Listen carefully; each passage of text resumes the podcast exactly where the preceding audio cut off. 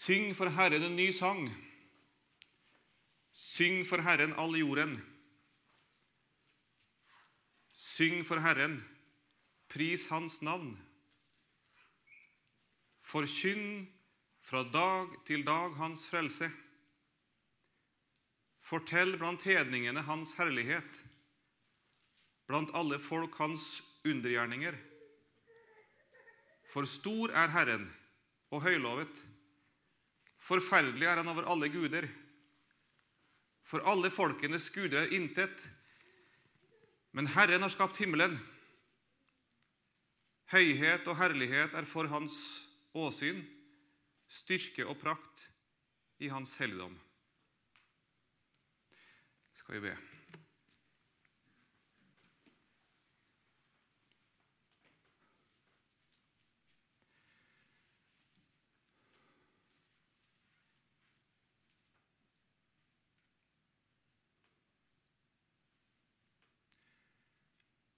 Herre gode Gud og himmelske Far. Jeg takker deg for at du er stor.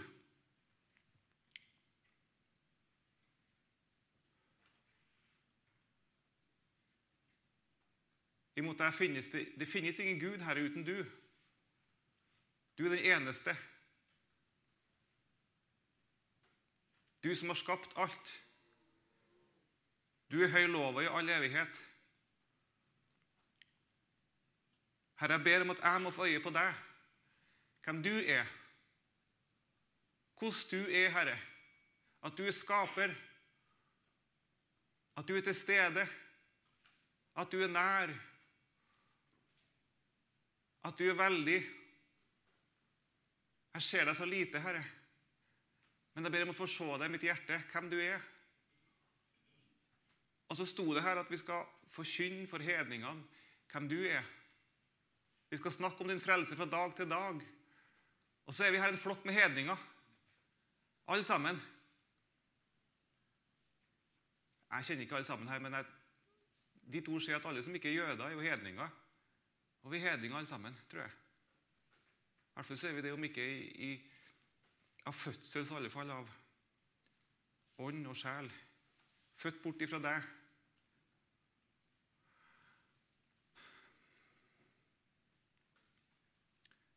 Takk for at vi får samles for å fortelle om din gjerning. Og Jeg ber Herre om at du må komme, Hellige Ånd.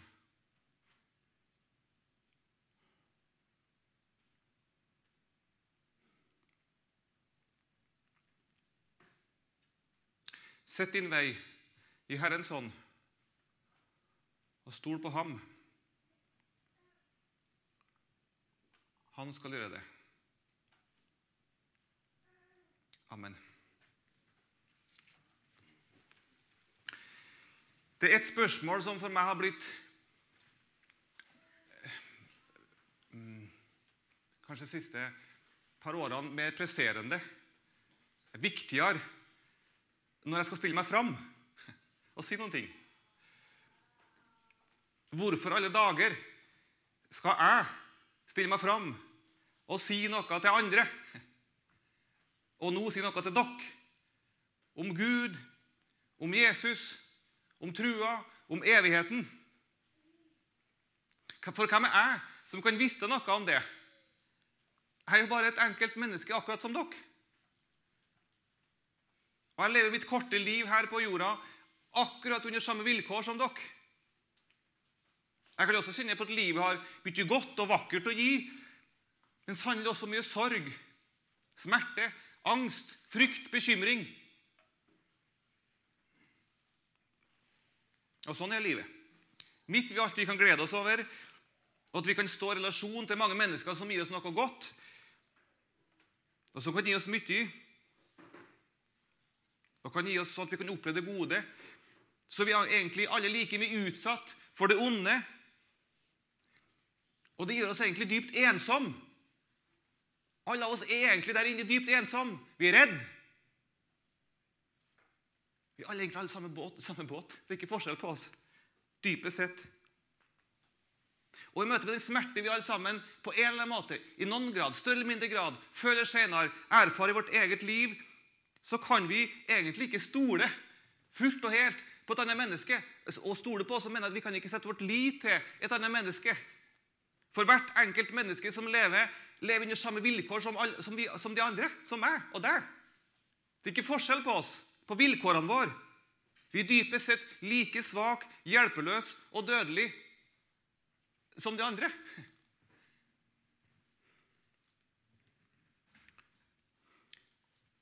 Og derfor, fordi det, det, er sant, så er vi så helt grunnleggende avhengig av noe som er større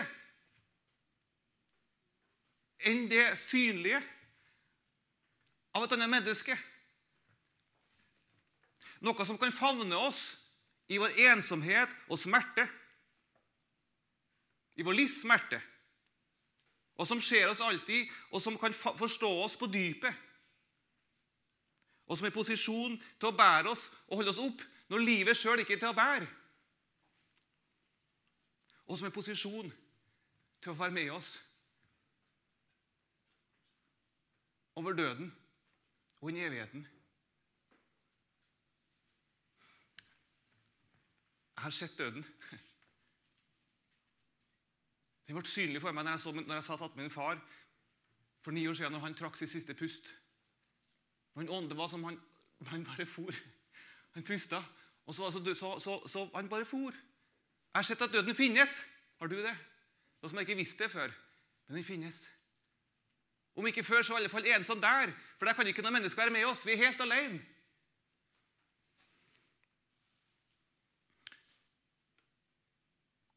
Så hvorfor skal dere høre på meg? Jeg er jo på lik linje med dere. Er det noen som helst grunn til at det jeg sier, skal ha noe autoritet i ditt liv? Jeg har ikke sett Gud. Jeg har ikke sett det usynlige. Jeg har ikke snakka med Han. Jeg vet ikke noe om det som er bakom der. Noe mer enn hva du vet. Jeg har bare lest denne boka. Den kan du også lese. Hvorfor er du her? Hvorfor sitter du og hører på meg? Det der har jeg lurt på.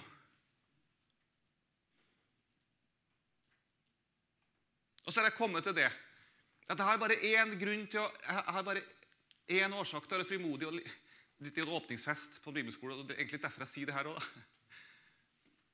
For jeg må rydde rom til at, at, jeg kan snakke til dere. Jeg må rydde rom til å si hvorfor kan jeg egentlig si noe til dere, noe som helst. Hvem er egentlig jeg? Og det er en grunn til det. Og det at jeg anser meg sjøl som et vitne. Jeg står egentlig bare her og er egentlig bare bibelskolelærer fordi jeg forteller noe om hva andre har vitna, hva andre har fortalt, og hva jeg sjøl har erfart. Jeg har ikke noen annen frimodighet enn at jeg er et vitne. Jeg er ikke her som lærer eller taler for å bevise noen ting som helst, for å snakke overbevisende, for å bruke mange ord om Gud, om tru, om Jesus. Men jeg kommer her og er her som en som sier jeg har hørt noe har blitt fortalt meg om noe som har skjedd for lenge siden. Jeg har sett med egne øyne hva Gud har gjort i andres liv, og jeg har sjøl erfart noe av det i mitt eget liv. Derfor kan jeg stå her og si noen ting. For å vitne.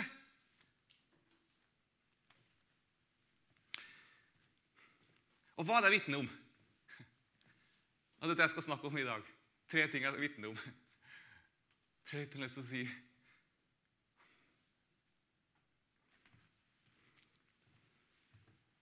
Og, og, det er ikke noen sånn eksepsjonelle ting. Det er ikke sånn, nå skal han si noe helt radikalt her. Men for meg er det det mest dyrebare jeg kan si. tror jeg. Det viktigste jeg kan si.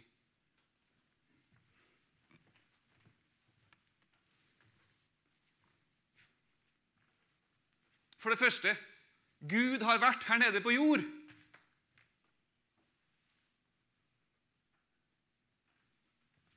Har du hørt det før? Ja, jeg tror du har hørt det før. Men har du tenkt over det? Har du tenkt over hvor radikalt det egentlig er? Hvem er vi? Hvor er vi fra? Hvor, hvorfor er vi hen, her? Hvor går vi hen? Det er de mest grunnleggende spørsmål for et menneske. Uten at de spørsmålene blir besvart i våre liv, så blir livet meningsløst. Det blir tomt. Det blir for tungt å leve. Og Jeg er overbevist om at de spørsmålene kommer ikke ut av det blå. De, de er der med en grunn.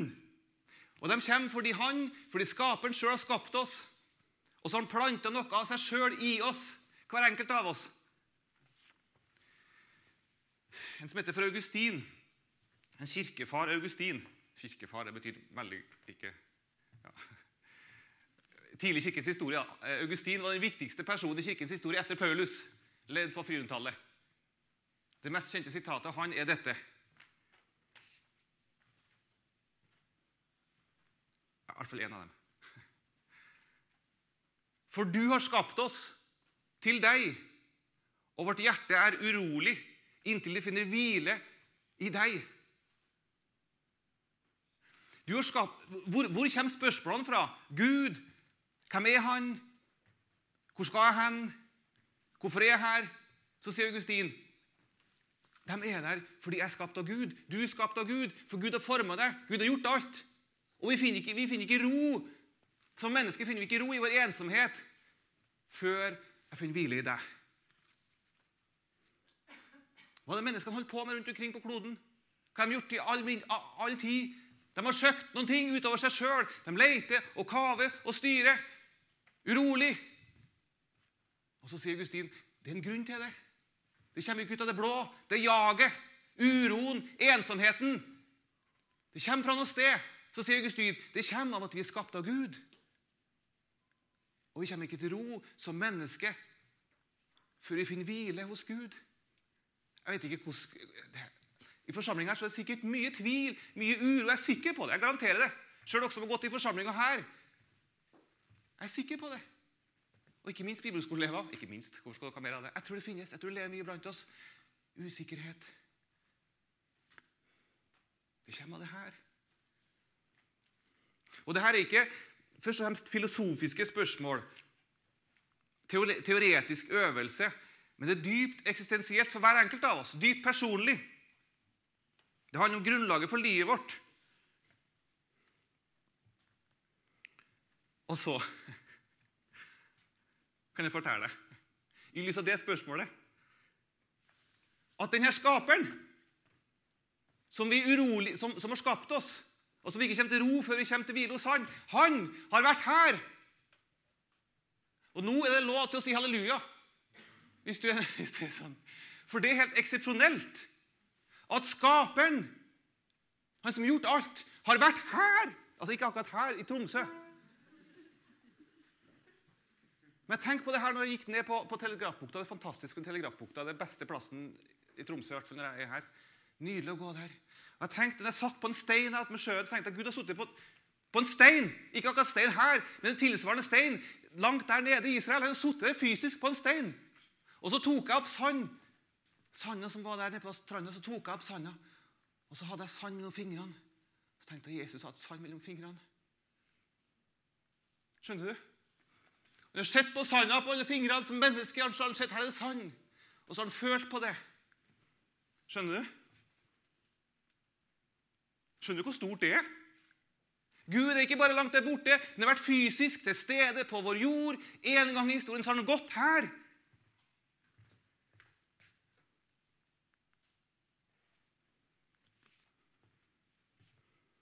Han har levd med menneskene, spist med dem, grått med dem, ledd med dem. Jeg er sikker på at han hadde mye artig. Jeg er helt sikker på at han smila mye. Men jeg hadde også vondt.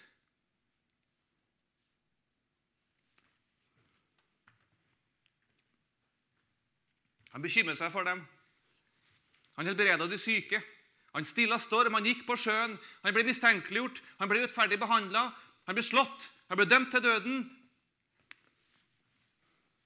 Og han døde. Og han sto opp igjen. Og så for han opp til himmelen. Og Fortsatt lyd, ja. Et lite batteri som får si ifra når lyden detter ut. Og egentlig så høres det jeg nå forteller ut som et helt sprøtt eventyr. Syns dere ikke det? Mer usannsynlig enn den villeste fantasyhistorien At Gud plutselig bare blir, blir født og blir menneske, og så bare tusler rundt omkring her og gjør sånne helt absurde ting. Ja, men ikke, Har du sett noe til det? Har du fysisk sett det? Nei. Gud blir menneske og har vært her, fysisk til stede. At vi klarer å ta han hvor, hvor stort det er. At vi klarer å forholde oss til det og tenke over det. Men det er en grunnleggende forskjell mellom fantasyhistorie og eventyr og dette. Og det er at her er det vitner som forteller at de har sett den, at de så en spist mat, at de hørte den snakke, at de så en bli pint, at de så en stå opp igjen. Det er vitner som forteller det.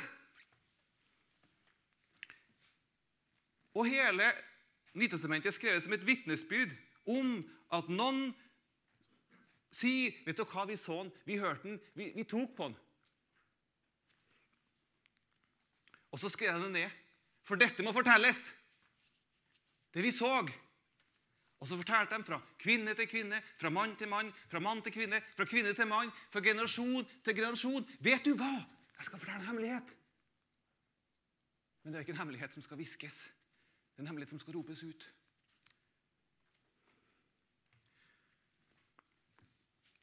Og i en eneste lang rekke så, fortell, så fortelles vitnesbyrdet.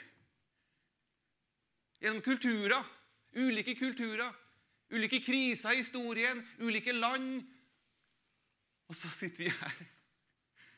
Og så har vi hørt vitnesbyrdet. Det var noen som fysisk så en. Og så en stå opp igjen.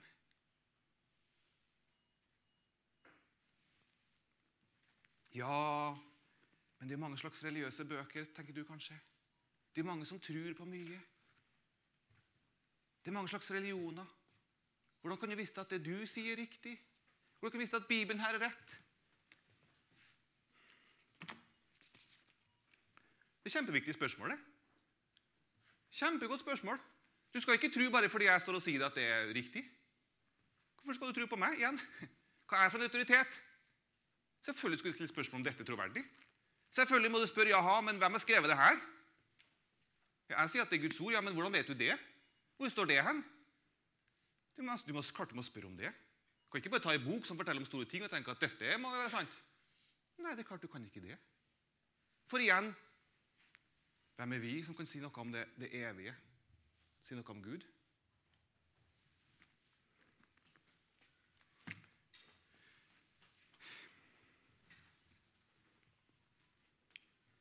Men det er en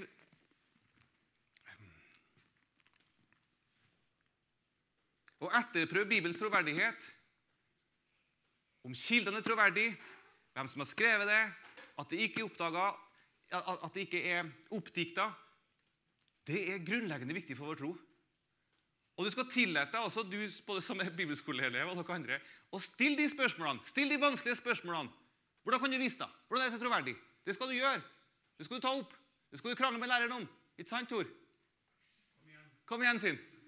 Og hvis den ikke gir gode svar, så skal du fortsette til den gir et godt svar. For det er helt Men da får han prøve så godt han kan. Hvis ikke svaret er stort, så får det et annet plass. For det må tåle all mulig etterprøving vår tro og vårt grunnlag for vår tro. Hvis det ikke tåler all slags etterprøving, så er det ikke troverdig. Er dere med? Da syns jeg det er godt å vite at det er ingen bok som er så etterprøvd. Kildene er ikke, det er ingen bok som er, som er så ettergått i sømmene. Er kildene troverdig? Har Matteus virkelig skrevet? Virkelig, har virkelig Matteus levd? Når levde han? Hva skrev han? Hvilke kopier har vi av det skrev? Det er ingen bok som er så nøye ettergått. Og alt sammen et vitne om jo Vi finner ikke noen gode grunner til ikke å tro på at kildene er troverdige. At de forteller virker, det virker helt sprøtt. Det gjør det. Det virker helt crazy. Men det er ikke noen grunn. Vi finner ikke noe hull her. Ta noen Mormons bok. da. Det er ganske lett å si at Mormons bok er gitt til én mann som skrev hele boka. Eller Koranen er skrevet av én bok. Det er ikke supertroverdig med én mann som forteller en historie. Men det er mange kilder som forteller om det samme. De, hører, de, de vitner om det samme. Ja, Det virker jo troverdig. Når flere sier det samme, gjør det ikke det? Det vil jeg si. Ettergå og prøv. Skal jeg være sann imot min logikk og min fornuft, så må jeg tenke dette jeg leser, må være sant.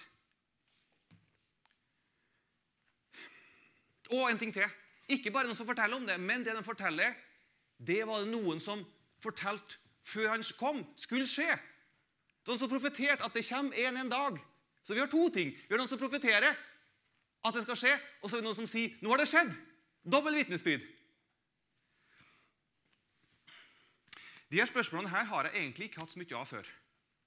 Jeg har levd helt til jeg var 40 43. Ja, cirka. Egentlig ikke hatt noen særlig tvil om Bibelens troverdighet, om Gud fins. Men i fjor så fikk jeg det. På en måte som slo meg ganske ut. Det var ting i livet mitt som skjedde som gjorde at det rakna, mye rakna rundt meg. i meg og rundt meg. Og så kom i tillegg spørsmålet om, Guds, om Gud var troverdig midt oppi det hele. Jeg som syns erfart så mye. Da ble det mørkt. Det skal jeg love deg. Ikke engang kan jeg henge fast i Gud. Hva skal jeg da henge fast i hvis ikke Gud engang fins? Hvis alt jeg trodde, bare oppspinn? er det ikke godt. Så jeg, om du har tvil på om Gud fins Velsigne deg, skulle jeg til å si. Det er ikke noe feil. Det er ikke noe uåndelig. Det er ikke noe rart. Det er, jeg skulle si det er naturlig til å være menneske. Tillat deg det, og still spørsmål. Og søk til Han. Og søk svar! I dag tenker jeg det framstår som det dummeste jeg kan gjøre, er å avvise dette som sant. Jeg sier ikke at det er nødvendigvis lett å si det, men jeg sier at det framstår som det dummeste som fins. For jeg finner ikke noen grunn til ikke å tenke at det er troverdig, bortsett fra at det er rart. Og det er ikke grunn nok.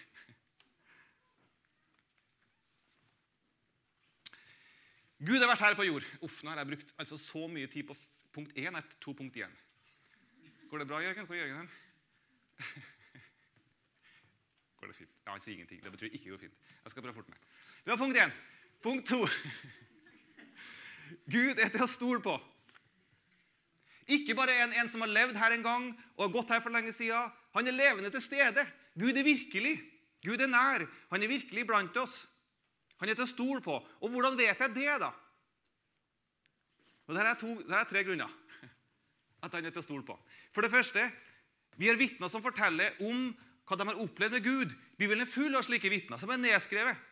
En eneste stor fortelling om hva Gud gjorde i deres liv. Bare tenk på, bare tenk på fortellinga når Israelsfolket går ut av Egypt. Og Gud åpner opp havet for dem. De går igjennom. Det er jo en ekstrem hendelse. Har det virkelig skjedd? Havet delte seg. De gikk igjennom. Har det virkelig skjedd? Hvis det har skjedd, så er det en Gud som fins. En Gud som er nær, en Gud som er til å stole på. En Gud som hjelper sitt folk. Er det ikke sånn?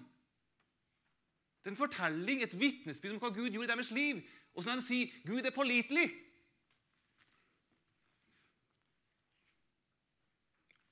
ja, Nå kan jeg ramse opp mange eksempler. Peter som gikk på vannet. Mange ting. Hvordan, de forteller at okay, det skjedde ting. Vi stolte på Gud, og Gud grep inn. Og for det andre det ene vitnesbyrdet her, som er det grunnleggende vitnesbyrdet. Det andre, som jeg også har Jeg har møtt mennesker som har fortalt om det samme. Mennesker jeg kjenner. Mennesker som fortalte det. Og, og det er få ting som gjør sterkere inntrykk på meg. Det er enn å lytte til mennesker som har vært i troskamp. Som, har, som sier det at Vet du hva? Jeg fant ingen vei. Jeg fant ingen vei i mitt liv. Det var håpløst, det var svart, det så ut som Gud har forlatt meg fullstendig. Men jeg hadde bare én ting å henge fast, i, at Gud er er, og at Gud ser meg. Og de hang fast i det. De klynga seg at jeg hadde ikke noe annet. Og så sier de Vet du hva? Det holdt. Han var der. Han svikta meg ikke. Han var til å stole på. Han kom til slutt. Ja, han kom ikke bare til slutt. Han var der hele tida, men det var jeg som ikke så det, bare. Det å lytte til sånne det er så herlig.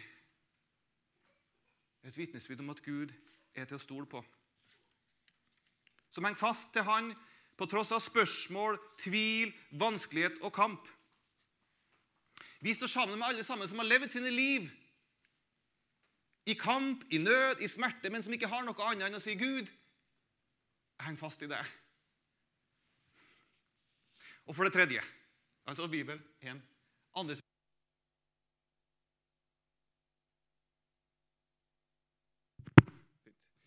Og for det tredje Og for det tredje Og for det tredje Der, ja. Og for det tredje Jeg har sjøl erfart det. Jeg står her som en som sjøl kjemper med Gud, med tvil, med kamp, med usikkerhet. Jeg spurte meg mange ganger hvor i alle dager er du hen, Gud? Og Jeg har tenkt at Gud har forlatt meg eller i denne situasjonen. Og jeg raste imot Gud og sier Gud, du har jo sagt sånn, men det, det ser ikke ut som du oppfyller det sånn. Jeg har sagt til Gud, hallo, Gud. Du oppfyller ikke løftet ditt, Gud. Hvem er du? Kan jeg stole på deg? Mange ganger har jeg vært dum. Og Så ser jeg det etterpå, når kanskje kampen er over, eller kanskje i kampen nå, ja, i hvert fall når kampen er over, så får jeg komme til, kom til ro, og så ser jeg Gud være hele tida. Jeg jeg var som Israel som var på vei ut av ørkenen, som som først ser at havet deler seg, og som jubler over det. og Så går det noen, noen dager, og så er det ikke vann, og så sier vi 'Gud har forlatt oss', og så skriker vi 'Hvor er du hen? Gud har forlatt oss'. Ja, sånn jeg er.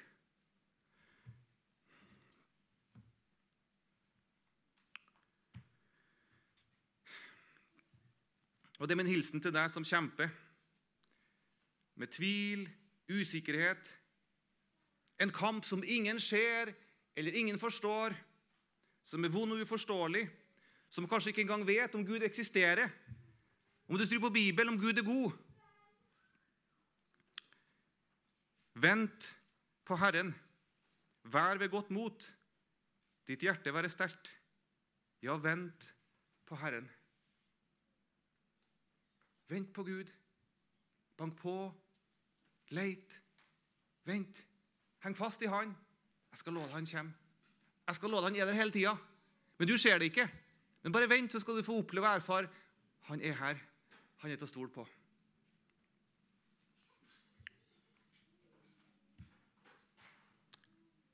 Og det tredje som jeg vitner om. Det første jeg vitner om altså at Gud har vært her på jord.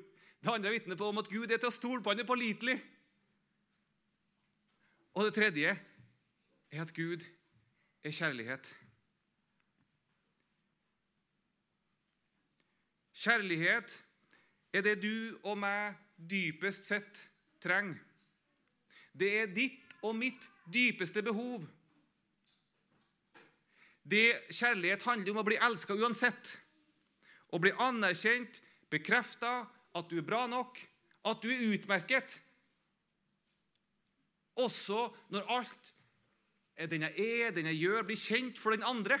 Er det ikke det som er, ikke det som er lykken å være gift? Det er jo ikke liksom å være Supermann eller liksom helt, helt liksom ja, Hva er lykken å være gift? Tor, kan ikke, nei, kanskje ikke jeg skal spørre deg om det. Du er enig med meg? Takk. Jeg vil si at Lykken i å være gift vet du hva det er? Det er et annet menneske som ser all din sårbarhet, all din svakhet, all din elendighet, og likevel sier 'Du er bra nok for meg'.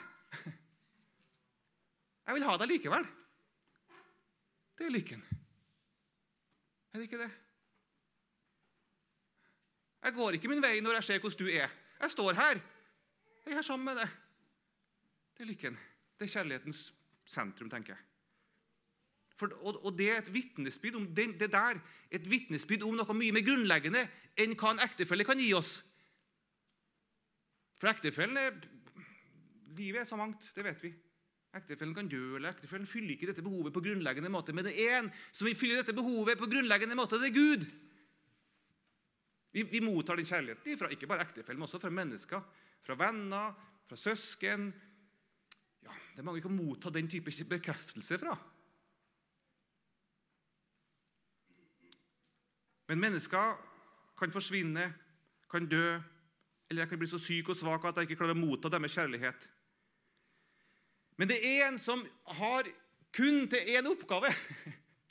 Det er en størrelse her i verden som har én oppgave i forhold til deg. Og det er å elske deg. Er ikke det nydelig? Her er det lov til å tillate seg et halleluja.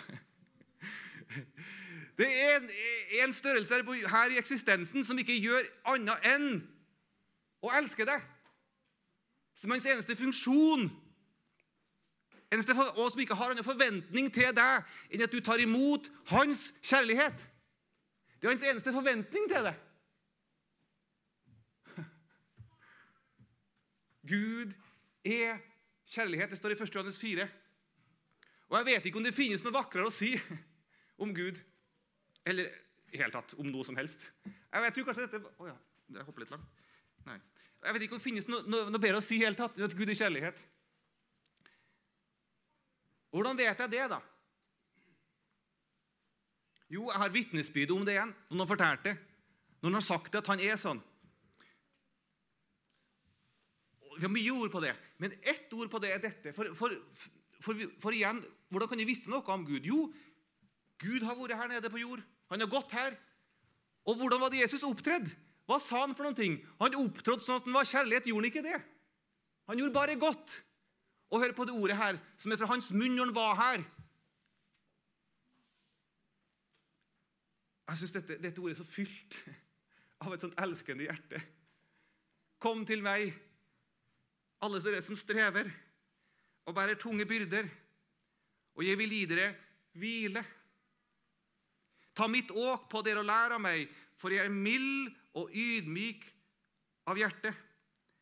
Så skal dere finne hvile for deres sjel. Det er et eksempel. Men jeg syns ordet her er sånn fylt av godhet, av kjærlighet og av mildhet. Syns du ikke det? Jeg er mild av hjerte. Og Jesus er så mild. Han er så inderlig mild. Han ønsker du bare skal få være et lite barn som sitter på hans fang.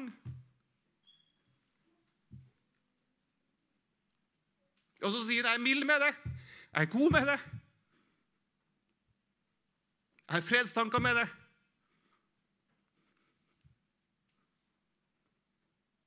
Jeg kjenner dere ikke, men jeg er sikker på at mange av dere kjenner på å, jeg trenger en som er mild, en som er god med meg. Her har du en. Kom, sin, sett deg hos meg. Jeg er så mild.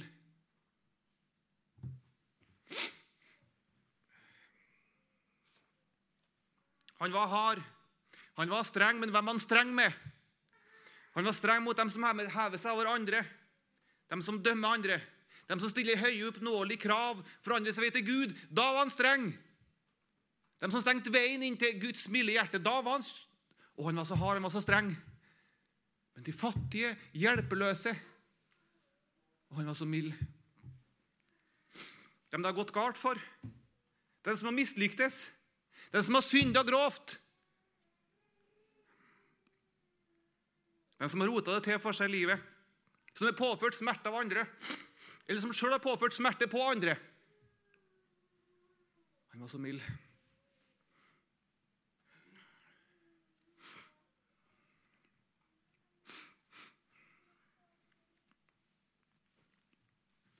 Og så sitter du kanskje her Åh, Unnskyld. Jeg har ikke Det er Noen predikanter, i hvert fall i gamle dager, de hadde med alltid en sånn lommetørkle. Men det har ikke jeg så god erfaring med. Jeg er ikke så gammel heller. er det? Når jeg, hva når jeg erfarer at jeg føler ikke sånn Det jeg opplever, det jeg erfarer det, Gud kan ikke, jeg, jeg ser ikke Guds kjærlighet i det her. Da skal du få et nytt vitnesbyrd fra meg. Det er fra Paulus. Han sier, 'Hvem kan skille oss fra Kristi kjærlighet?' Trengsel eller angst? Og han spør altså, hvem kan skille oss? Hvem eller hva kan på en måte hindre oss fra Guds kjærlighet? Og så lister han opp alt han kan tenke seg trengsel eller angst eller forfølgelse eller sult eller nakenhet eller fare eller sverd. Som skrevet står, for din skyld drepes hele dagen. Vi blir regnet som slakter for. Altså Han sier samme hva vi opplever om til om vi blir slakta ned som sauer, kan det skille oss fra Guds kjærlighet. Og så hopper jeg ned til der. For jeg er viss på Og nå kommer poenget her. Her sier en som har levd og som har opplevd Gud. Jeg er sikker på at verken død eller liv, verken engler eller krefter, verken det som nå er, eller det som kommer skal, eller noen makt, verken høyde eller dybde Det er sånn Paulus sier. Han rommer liksom alt sammen. Han sier død, liv, høyde, dybde. Alt som fins. Jeg er sikker på at ingenting eller noen annen skapning skal kunne skille oss fra Guds kjærlighet i Kristus Jesus, vår Herre. Hva du kjenner på, hva du erfarer, hva du akkurat nå lever i. Da sier Paulus jeg er sikker på at ingenting skal kunne skille deg fra Guds kjærlighet. Det betyr ikke at det du kjenner på, det du opplever, det bare forsvinner. Men det betyr at i det du kjenner, i det du lever i, så er Guds kjærlighet der. Det er en som alltid elsker. Det er en som midt i det. Gud har lovt at det skal bli kvitt det vonde eller synd i vårt liv eller syndens konsekvenser. Det har han ikke lovt oss, men han sier midt i det så er jeg her. Så anerkjenner jeg deg, bekrefter deg, elsker deg fullt og helt. Midt i alt.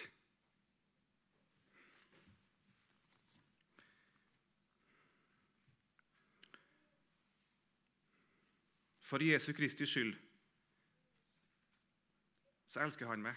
Fordi Jesus Kristus en gang for alle tok på alt mitt, all min synd, og tok det bort fra mitt, slik at han nå ser meg som ren og hellig i Kristus, så kan han elske meg fullt og helt.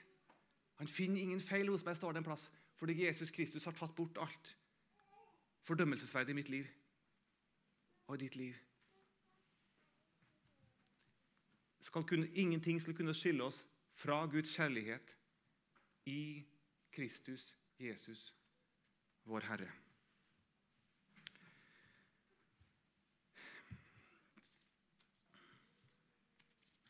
Det er en barnesang. Det er en barnesang som jeg før syntes var litt sånn enkel. Litt sånn banal. Som liksom ikke ga meg så mye. Men nå syns jeg den er fin. Jeg har skjønt at den er jo dypt bibelsk. For Den forteller meg at Guds kjærlighet til Kristus Jesus kan jeg ikke springe fra. Den sier så enkelt Guds kjærlighet er rundt om meg. Den er overalt jeg vet. Og hvor jeg snur eller vender meg, står midt i Guds kjærlighet. Den er over, under, foran, bak, og den varer hver eneste dag. Ja, sånn er sangen.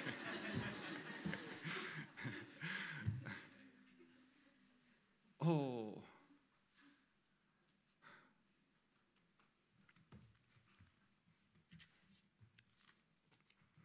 Tenkte jeg skulle spille en sang for dere, men den er, den er, jeg har brukt så mye lang tid, så jeg skal ikke gjøre det. Men det er, det er en sang som er så, som er så nydelig. Dere får finne dere får lete den opp sjøl. Dere som er venner på Facebook, har sett at det er en sånn skjeggete mann. Men det er ikke meg, da. Det som heter for Arvo Pärt, som har som Facebook-bilde. Han er estisk komponist. Kristen, dypt, en, en nålevende komponist. Dypt from sjel. Som, som jeg syns er helt nydelig. Den beste musikeren jeg vet av. Han har laga en melodi, eller en sang som heter For Dares Cry. Det er over en, en gammel irsk bønn. og den bønnen her. Merk deg Dares Cry, altså, altså hjortens gråt. Let opp den når du kommer hjem, og hør på den. Den er så nydelig. Den er, er, helt fantastisk. Kanskje skal spille for dere en gang i en time. De synger om dette. Kristus. Kristus er ikke langt ifra meg. Han er nær meg, han er rundt meg, han er inni meg. Nå skal vi be. Og så skal vi be en bønn som dere ser bak her.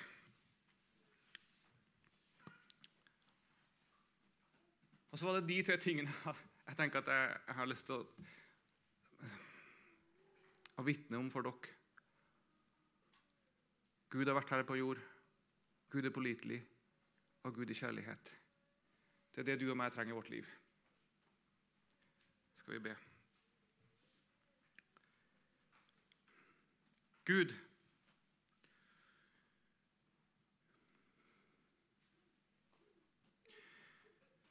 Du har elsket oss først. Men vi taler om deg som om du bare hadde elsket oss først én gang i fortiden. I virkeligheten er det dag for dag, hele livet gjennom at du elsker oss først. Når vi våkner om morgenen og vender vår sjel mot deg, kommer du oss i forkjøpet. Du har elsket oss først.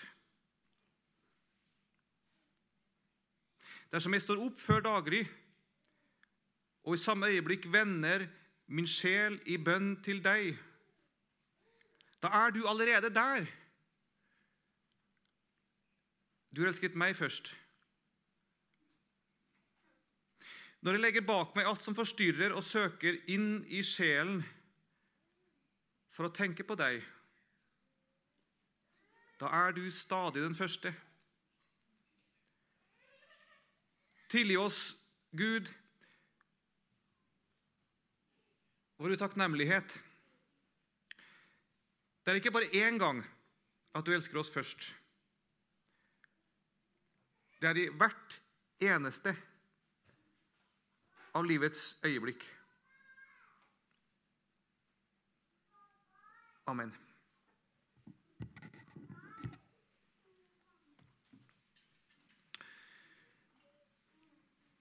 Nå skal vi synge en sang. Jeg skal spille den på piano. Den er ikke